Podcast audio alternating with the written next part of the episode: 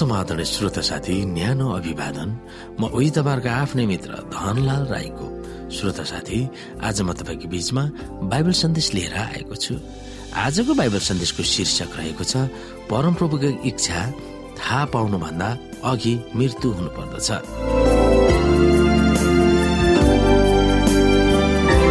श्रोता साथी यसुका पछि लाग्ने धेरैले भित्री हृदयदेखि तिनीहरूको जीवनमा परमप्रभुको इच्छा र योजनाहरू जान्न चाहन्छन्। कतिपयले यो पनि भन्न हिचकिच्याउँदैन कि यदि मेरो जीवनमा परमप्रभुको इच्छा के हो सो जानेको भएर म सबै थुक त्याग्न तयार हुन्थे। यस्तो प्रतिज्ञा गरेपछि कि कतिपय समयमा उहाँको इच्छाको बारेमा हामी अन्यल हुन्छौँ। यस अन्यलको कारण हामी रोमी बाह्र अध्यायको एक र दुईमा पाउन सक्छौँ। परमप्रभुको इच्छा के हो कसरी थाहा पाउने भनेर पावलले व्याख्या गर्दै एउटा महत्वपूर्ण कुरो औल्याउँछन् यदि तपाईँले परमप्रभुको इच्छा जान्न चाहनुहुन्छ भने तपाईँले पहिला त्याग गर्नुपर्छ। रोमी बाह्र अध्यायको एक र दुईमा लेखिएको छ यसकारण भाइ हो परमेश्वरको कृपालाई ध्यानमा राखी म तिमीहरूलाई अनुरोध गर्दछु कि तिमीहरूको आत्मिक उपासनाको रूपमा आफ्ना शरीरलाई पवित्र र परमेश्वरलाई ग्रहणयोग्य हुने जिउँदो बलिको रूपमा अर्पण गर। यस संसारको ढाँचामा नचल तर आफ्नो मनमा नयाँ भई पूर्ण रूपले परिवर्तित हो र परमेश्वरको असल ग्रहणयोग्य र सिद्ध इच्छा के हो त्यो तिमीहरूले जाँच्न सक।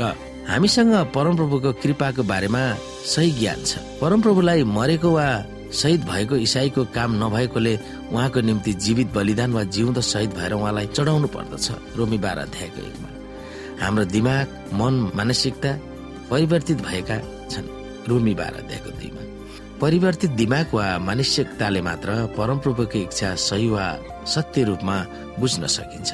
तर यस परिवर्तित वा पुनर्जीवित दिमाग वा मन वा मानसिकता हामीमा हुनु हाम्रो पहिलो वा म वा स्वयंलाई मारिनु पर्दछ हाम्रो निम्ति यसुले दुःख पाउनु मात्र पर्याप्त थिएन तर उहाँ मर्न नै परेको थियो।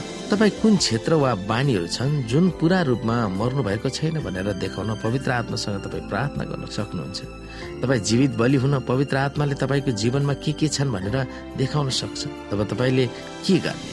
हाम्रो जीवनको कुनै क्षेत्रहरू छन् जुन स्वार्थ वा स्वयं पुरा मरिएको छैन। तब त्यतातिर ध्यान लगाउन दिन परमप्रभुले कठोर परीक्षाहरू आउन दिनुहुन्छ।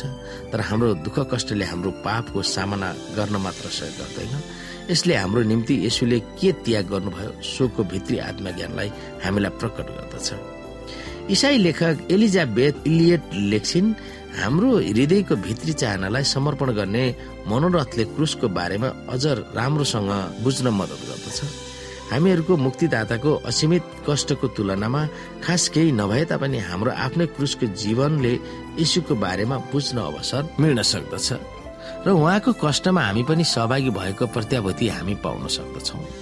हामीले पाउने कुनै प्रकारको दुःख कष्ट उहाँको कष्टमा सहभागी हुन आह्वान गर्नुहुन्छ। यहाँ रोमी बाह्र अध्यायको एक र दुईलाई दिमागमा राखेर प्रार्थना हामी गर्न सक्छौँ। तपाईँ आफै जिउँदो बलि हुन के के त्याग्नुपर्छ सो सोच्न सक्छौँ? तपाईँको निम्ति यसले क्रुसमा कस्तो दुःख सहनु भयो? तपाईँकै त्याग्ने अनुभवले कसरी सहयोग गर्न सक्दछ? यस आत्मज्ञानले तपाईँ यसो र उहाँको कष्टमा सहभागी हुने परिस्थितिमा तपाईँ कसरी पर्न सक्नुहुन्छ? त्यो विषयमा हामी सोच्न सक्दछौँ।